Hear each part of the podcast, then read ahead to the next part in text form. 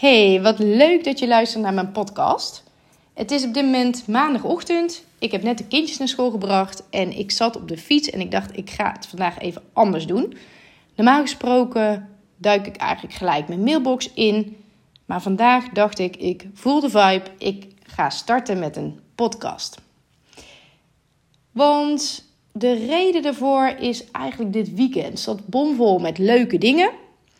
Op zaterdag hadden we een afscheidsfeestje van vrienden die naar Madrid gaan emigreren. En op zondag hadden we juist weer een barbecue van vrienden die in Dubai wonen en even terug waren in Nederland. Dus een uh, vrij internationaal weekend kun je wel zeggen. En zeker na de coronatijd zijn dit soort feestjes wel weer heel erg welkom. Maar ook voor mij misschien wel extra leuk om weer nieuwe mensen te spreken. Want we hebben allemaal langere tijd binnen gezeten ofwel in kleinere groepjes uh, afgesproken. En nu mogen we er weer lekker op uit. En je spreekt ook weer kennissen en vrienden die eigenlijk niet tot je inner circle behoren. Um, ja, of tot je kern van beste vrienden. En dit maakt dat in mijn geval vrijwel iedereen even bij mij komt polsen. Want ze hebben mij voor het laatst gesproken toen ik nog in een commerciële job zat voor corona. En vraag nummer één is dan eigenlijk ook: wow, Jij, uh, ik zie van alles voorbij komen. Je bent wel iets heel anders gaan doen. Wat maakt dat jij tot deze switch gekomen bent? Wat is hieraan vooraf gegaan? Of um, hoe ben jij hierin gerold? En ik wil je dan ook graag gaan meenemen in mijn verhaal. Hoe ben ik tot deze keuzes gekomen? Welke keuzes heb ik überhaupt gehad? Of, of hè, zijn het zijn, um, voorgevallen? Welke obstakels ben ik hierin tegengekomen? En wat heeft ervoor gezorgd dat ik in deze energetische wereld terecht ben gekomen? Ehm, en om hier een goed antwoord op te geven, wil ik je eigenlijk meenemen in een stukje historie. Waar kom ik vandaan? Uh, hoe heeft zich dat ontwikkeld? En welke blokkades zijn er op mijn pad geweest? Want velen kennen mij eigenlijk voornamelijk als de zakelijke, pittige tante die vrij hoog in de boom zat uh, in de commerciële wereld. En vanuit dit denkbeeld lijkt en is de stap naar de energetische therapie dan ook vrij groot. Maar voor mij voelt dat niet zo, want net als ieder ander denk ik, uh, ben ik een vrouw van contrasten. Um, en door de bepaalde gebeurtenissen in mijn leven is eigenlijk een ander contrast de boventoon gaan voeren. Maar wat zeker wel waar is en waar velen mij van kennen, is dat ik in de basis vrij nuchter ben. En dit heb ik ook van huis uit meegekregen. Ik ben in een nuchter Brabants gezin opgegroeid uh, met eigenlijk de filosofie: doe maar normaal, dan doe je al gek genoeg. Um, en die ligt me ook op zich best goed hoor. Ik heb een vader die is timmerman. Mijn moeder is bloemist. En zij hebben altijd super hard gewerkt. En dat is eigenlijk ook best wel een thema in mijn opvoeding geweest. Um, hard werken, dan kom je er wel. Dus ik stond al op mijn dertien in de afwas. Ik uh, ging vaak oppassen. Ik had vaak verschillende baantjes naast elkaar. En dat vond ik allemaal ook super om te doen. Um, maar aan de andere kant hadden mijn ouders ook al vroeg door dat dat gebaande pad niet helemaal voor mij was weggelegd. Um, ik heb blijkbaar toch wel de basishouding alles te willen uitproberen en ontdekken in het leven. Dus waar anderen eigenlijk hè, eh, als een schaap de kudde volgen, nou ja, doe ik dat niet altijd. En ik wil het dan ook net altijd even anders doen als de rest. Zo um, was ik als jong meisje al best wel jongensachtig. Ik zat op scouting, ik klom in de bomen, ik werd graag vies en ik had ook van die afritsbroeken, want die waren lekker praktisch. Mijn moeder die, uh, die vertelde ook dat, dat, uh, dat ze mij een keer naar een leuk feestje een, een roze schattige jurkje had aangetrokken. En ja, dat ik echt voor haar ging staan met mam, hoe kan ik hier nou in spelen? Dus nog voordat wij in de auto zaten, had ik alweer een, uh, een praktisch uh, gekleurd tuinbroekje. En um, nou ja, anderzijds ook, ook een, mooi voorbeeld daarvan is dat um, eigenlijk alle, al mijn familieleden, al, al mijn vrienden, vriendinnen uh, van het dorp waar ik woonde, gingen dicht bij het dorp naar school. Dus Eindhoven was de stad die dichtstbij lag. Dus iedereen ging met de bus naar school en weer terug, zodat ze lekker thuis konden slapen. Iedereen woont daar nog steeds, om de hoek. Uh, nou ja, 95% laat ik maar zeggen. Maar blijkbaar wilde ik erop uit. En nou ja, vooral dit onderwerp heeft me best wel veel kopzorg en slapeloze nachten bezorgd. Want waarom kan ik niet gewoon dat normale pad volgen? Waarom wil ik altijd weer wat anders? Ik maak het dan mezelf en soms, soms mijn familie ook moeilijk. Um, ja, vond ik ingewikkeld waarom ik dan altijd weer wat anders wilde. En nu weet ik eigenlijk dat juist door dat buiten de lijntjes kleuren en dat stretchen van je, je kunnen, als het ware, dat juist daar eigenlijk je groei en je ontwikkeling zit. Dus nu ben ik daar blij mee, maar daar had ik wel een weg voor te gaan. Um, even een slokje water hoor. Mm. Um, en ik ben gaan studeren aan de Hotelschool in Maastricht. Superleuke tijd gehad.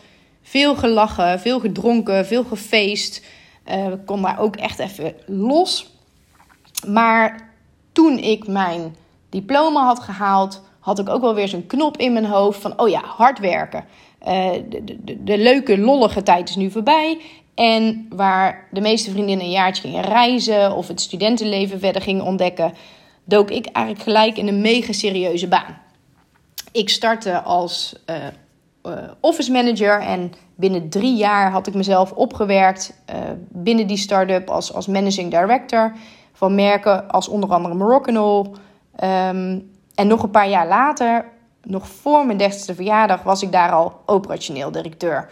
Hadden op een gegeven moment twintig mensen in dienst en het, het groeide echt snel. En, en ik ook. um, en ik was daar verantwoordelijk eigenlijk voor alle feitelijke zaken. Dus ik, ik, deed de backend van alle systemen. Ik zat met IT-professionals. Ik was verantwoordelijk voor HR, finance, de begrotingen, de jaarplannen, inkoop. Um, ik, deed, ik deed zaken met, met uh, Israël en New York. Dus daar zaten de uh, twee hoofdkantoren van Moroccanol. En ik had te maken met een Joodse cultuur. En super fijne mensen. Maar de Joodse cultuur typeert zich nou ja, onder andere door het feit dat vrouwen ondergeschikt zijn. Dus ik had eigenlijk op te boksen tegen mannen waarvan ik wist dat zij me eigenlijk nooit gelijkwaardig gingen behandelen. Dus mijn, mijn uh, belemmerende gedachten popten op in mijn hoofd. Ben ik dan niet goed genoeg? Ben ik dan minder? En eigenlijk als reactie daarop ging ik nog harder opboksen en laten zien dat ik het allemaal wel kon. Um, nou ja, daarnaast zat ik ook nog in de directie met twee mannen van minstens 20 jaar ouder als ik ben. Uh, en ja, ik wilde daar natuurlijk niet voor onder doen. Dus die lat die ging nog hoger. Ik werd nog strenger voor mezelf. En eigenlijk ja, heb ik mijn emoties daar ook wel een beetje uitgezet. Niet omdat het moest, maar omdat ik dacht dat ik daar verder mee kwam. Nou ja, nu weet ik dat het niet zo is. En in die tijd um, woonden we in Amsterdam en kregen we onze zoon van nu 4,5 jaar oud, Teun. En ons energielevel werd vanaf dat moment al best wel gestretched. Want wij dachten, oké, wij krijgen een kind, maar ons sociaal leven en ons werkleven, nou, die hoeft daar toch niet per se op aangepast te worden, dachten we toen. Uh, en zo goed als, en zo kwaad als het kon, probeerden wij alle ballen daar in de lucht te houden. Totdat eigenlijk het keerpunt kwam, of het kantelpunt. Wij kregen namelijk de mega vette kans om een kavel te kopen en ons eigen droomhuis te kunnen gaan bouwen. Super tof. Uh, en we wonen ook nu super fijn. maar de weg daar naartoe was wel een beetje hobbelig. Um, want wij startten vanuit super veel enthousiasme. Uh, Teun, onze baby, was toen een half jaar oud. Geen idee waar we aan begonnen. We moesten een architect gaan zoeken, we moesten een aannemer gaan zoeken, we moesten alles van scratch af aan doen. Zelf als huis tekenen, die moesten door een commissie heen. Moesten alles uitzoeken. Wat voor badkamer, wat voor keuken, wat voor type voeg, wat voor, nou ja, plannen vlogen je om de oren. En we hadden ook te maken met een ontplofte markt uh, um, van materialen. Alles stond onder spanning, dus, dus ze moesten keuzes maken en wisten ook niet precies wat voor financiële gevolgen dat had en of we dat allemaal konden dragen. Um, dus dat was best wel stressvol. En parallel aan dit proces was Teun inmiddels ook een dik jaar oud en begon bij ons er ook wel een beetje de vraag op te spelen van nou, wat, wat, hè, wat doen we ermee? Willen we nog een broertje of een zusje voor Teun? Waarvan we wisten dat we die wens sowieso wel hadden. Maar was het dan slim om dit nu te doen? En uiteindelijk dachten we, nou, weet je wat? We gaan het gewoon proberen. Je weet niet of het lukt. En als het wel lukt, doen we gewoon lekker alles tegelijk. uh, en wij besloten voor een tweede kind te gaan. En um, nou ja, we weten achteraf nu dat we het geluk hebben dat zwanger worden bij ons niet zo'n probleem is. Um, dus binnen mum van tijd dolgelukkig, want we hadden een positieve test in onze handen. Um, en niet dat een test bij ons per se nodig is, want al voordat een test positief kan uitslaan, voel ik die tekenen al in mijn lichaam. Dus ik was doodsmoe, hondsberoerd en ik, ik kon alleen maar overgeven. Maar goed, dit was voor ons ook de bevestiging van, nou ja, als je zo ziek bent, dan zal alles ook wel goed zitten. Nou ja, dat bleek dus niet het geval te zijn. Uh, ik ging met acht weken op, ja, op check bij de, de verloskundige voor een eerste echo. En mijn vriend Klaas zou ik even bijbellen, want door corona mocht, mocht hij er toen niet bij aanwezig zijn.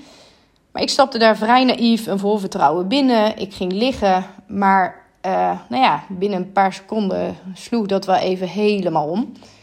Het viel in stilte en eigenlijk vrij snel had ik door en zei ze ook van ja, sorry, ik kan dit niet anders brengen, maar dit is helemaal niet goed. Uh, ik zie geen kloppend hartje meer. En uh, nou ja, wat, er, wat er daarna gebeurd is of gezegd, ik, ik weet het niet eens meer. Maar ik, ik kon alleen maar huilen de dagen daarna. En dan ga je ook gelijk een traject in, want je moet naar het ziekenhuis om de zwangerschap nog af te laten breken. Um, nou ja, één grote waas eigenlijk wat daar allemaal gebeurd is. En um, ja, daar vertelden ze me dan ook, hè, de, de gynaecologen, van ja, het, het, het, komt nou eenmaal voor. Uh, ze onderbouwden dat met percentages en feiten. En ik besefte me ook wel van ja, miskramen komen voor.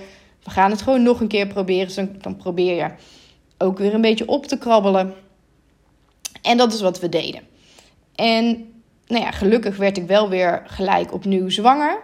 Um, ook weer doodziek. Um, maar ook blij dat het ons weer gegund was. Maar de spanning was wel anders dan de vorige keer. Um, je bent toch wat minder naïef, wat minder onbezorgd. En ja, noem het toeval, maar, ik voelde aan mijn lichaam... Uh, misschien is het ook wel goed om even een check te doen bij een ortomoleculair therapeut... om even te kijken of ik tekorten had in mijn lichaam. En ik had haar ook verteld dat ik inmiddels wel weer zwanger was. Dus heel voorzichtig gaf zij aan van... ja, um, ik zie wel, hè, de testen wijzen uit dat er zoveel stress in je lichaam zit, uh, wat zich ook vertaalt in zware tekorten. En daarmee zei ze eigenlijk ook nog tussen neus en lippen door dat ze het wel knap vond van mijn lichaam dat het in deze staat zwanger is kunnen worden. Nou ja, dat, dat stemde me niet echt gerust. Um, ik werd eigenlijk alleen maar banger van oké, gaat, gaat het dan weer mis? Dus nog voor de tien weken uh, bereikt waren, uh, had ik al drie echo's gehad. En iedere week kwam ik weer langs bij dat hartjespreekuur. Hè, constant probeerden ze mij gerust te stellen, maar het kwam gewoon niet bij mij binnen. En het, voelde gewoon niet goed. Terwijl iedereen om mij heen zei: ja, dat is toch logisch, want je hebt een miskraam gehad. Tuurlijk ben je voorzichtiger. Um, nou ja, dus, dus in die twijfel zat ik toen. Uh, en ja, bij de termijnecho van 12 weken werd mijn gevoel helaas bevestigd. Want het hartje van het kindje was weer gestopt met kloppen. Um, nou ja, je kunt je er iets bij voorstellen hoe dat voelt. De, de klap was minstens zo groot uh, als de eerste keer. Weer moest ik dat hele ziekenhuistraject in. Uh, weer de zwangerschap afbreken. En kreeg ik eigenlijk weer dezelfde uitleg van de gynaecologen ja, het is, kan ook een tweede keer voorkomen. Gewoon nog een keer proberen. En ook bepaalde feiten. En ik, ik merkte heel erg dat, dat toen iets bij mij omsloeg. De, de, de brakte als het ware iets. Want ik had gewoon het gevoel van ja, dit, dit klopt niet. Wij zijn allebei fit. We, eten gezond. We leven gezond. We zijn jong. Um, en eigenlijk zeker met die woorden van de orthomoleculair therapeut in mijn achterhoofd. Uh, wilde ik eigenlijk mijn kop niet in het zand steken. En wilde ik weten wat mijn lichaam te vertellen had. Ik voelde gewoon, er zit iets dwars in mijn lichaam. Um, ja, en ik wilde gewoon weten wat dat was. En ik kreeg een soort van vechtmodus. Van ik wil die onderste steen boven halen. ik ben in allerlei hoeken op zoek gegaan. Dus ik ben gaan kijken van oké, moet ik anders gaan sporten? Moet ik andere voeding? Uh, allerlei uh, sessies gehad. En zodoende kwam ik ook uit bij energetische therapie. En ik moet zeggen, ik heb aan de ene kant die nuchterheid, maar ook door de jaren heen heb ik, heb ik ook om, om een soort van staande te blijven in, in die uh, commerciële, commerciële job, heb ik best wel wat coaching gehad. En eigenlijk heb ik dat altijd wel gecombineerd met een spirituele invalshoek. Dus ik was ook al wel best wel zoekende in een spirituele hoek. Dat sprak me ook altijd wel aan. Maar energetische therapie met een biotensor, um, nou ja, dat, dat had ik nog nooit geprobeerd. En eerlijk gezegd was ik ook best wel sceptisch. Maar goed, ik, ik had goede verhalen gehoord. Ehm, en ik dacht ook, ja, baat het niet, dan schaadt het niet. Ik gaf een soort van voordeel van de twijfel. En nou ja, wat is het ergste kan, wat kan gebeuren, is dat het nou ja, niet voldoende werkt. Mm. Dus zodoende stapte ik mijn e-, eerste energetische consult in. En ik dacht eigenlijk eerlijk gezegd ook nog van, nou, wie weet ben ik weer de eerste waarbij dit niet werkt. Maar goed, laten we het proberen. Nou, echt bizar. Ik vind het nog steeds lastig om uit te leggen wat hier precies gebeurd is of hoe ik me voelde.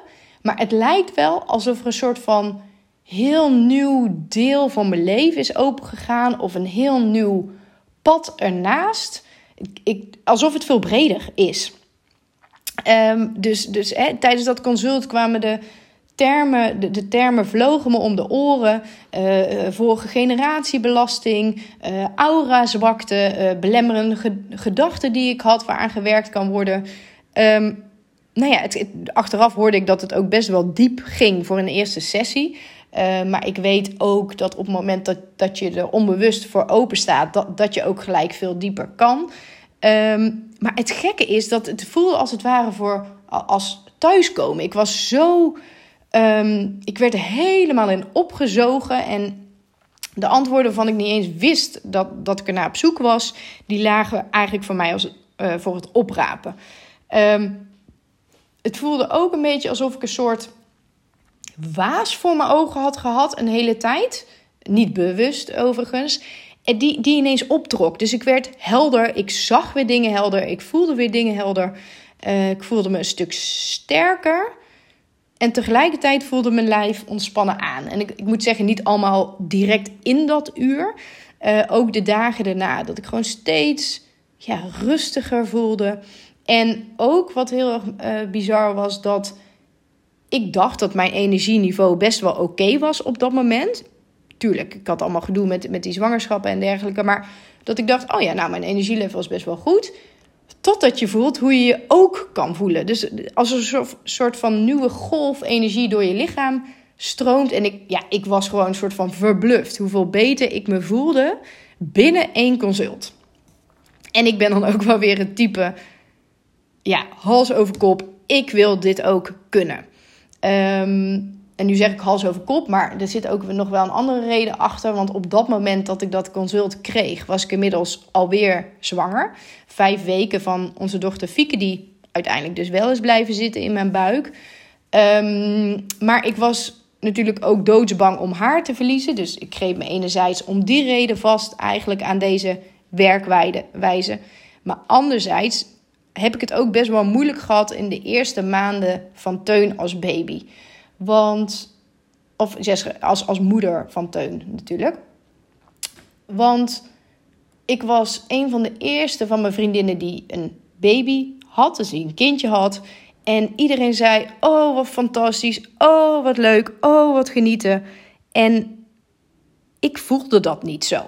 Dus dat echte genieten, weet je, ik hield wel heel veel van hem. Dat voelde ik wel echt. Maar ik vond het ook vooral best wel zwaar. En wat ik misschien nog wel het allerzwaarste vond, was dat ik het gevoel had dat dat er niet mocht zijn. Dus ik dacht dat ik de enige moeder was uh, op de wereld die, die dit niet alleen maar fantastisch vond. Um, het was ook nog zo dat hij in november geboren werd. Dus het waren hele donkere dagen, hele koude dagen.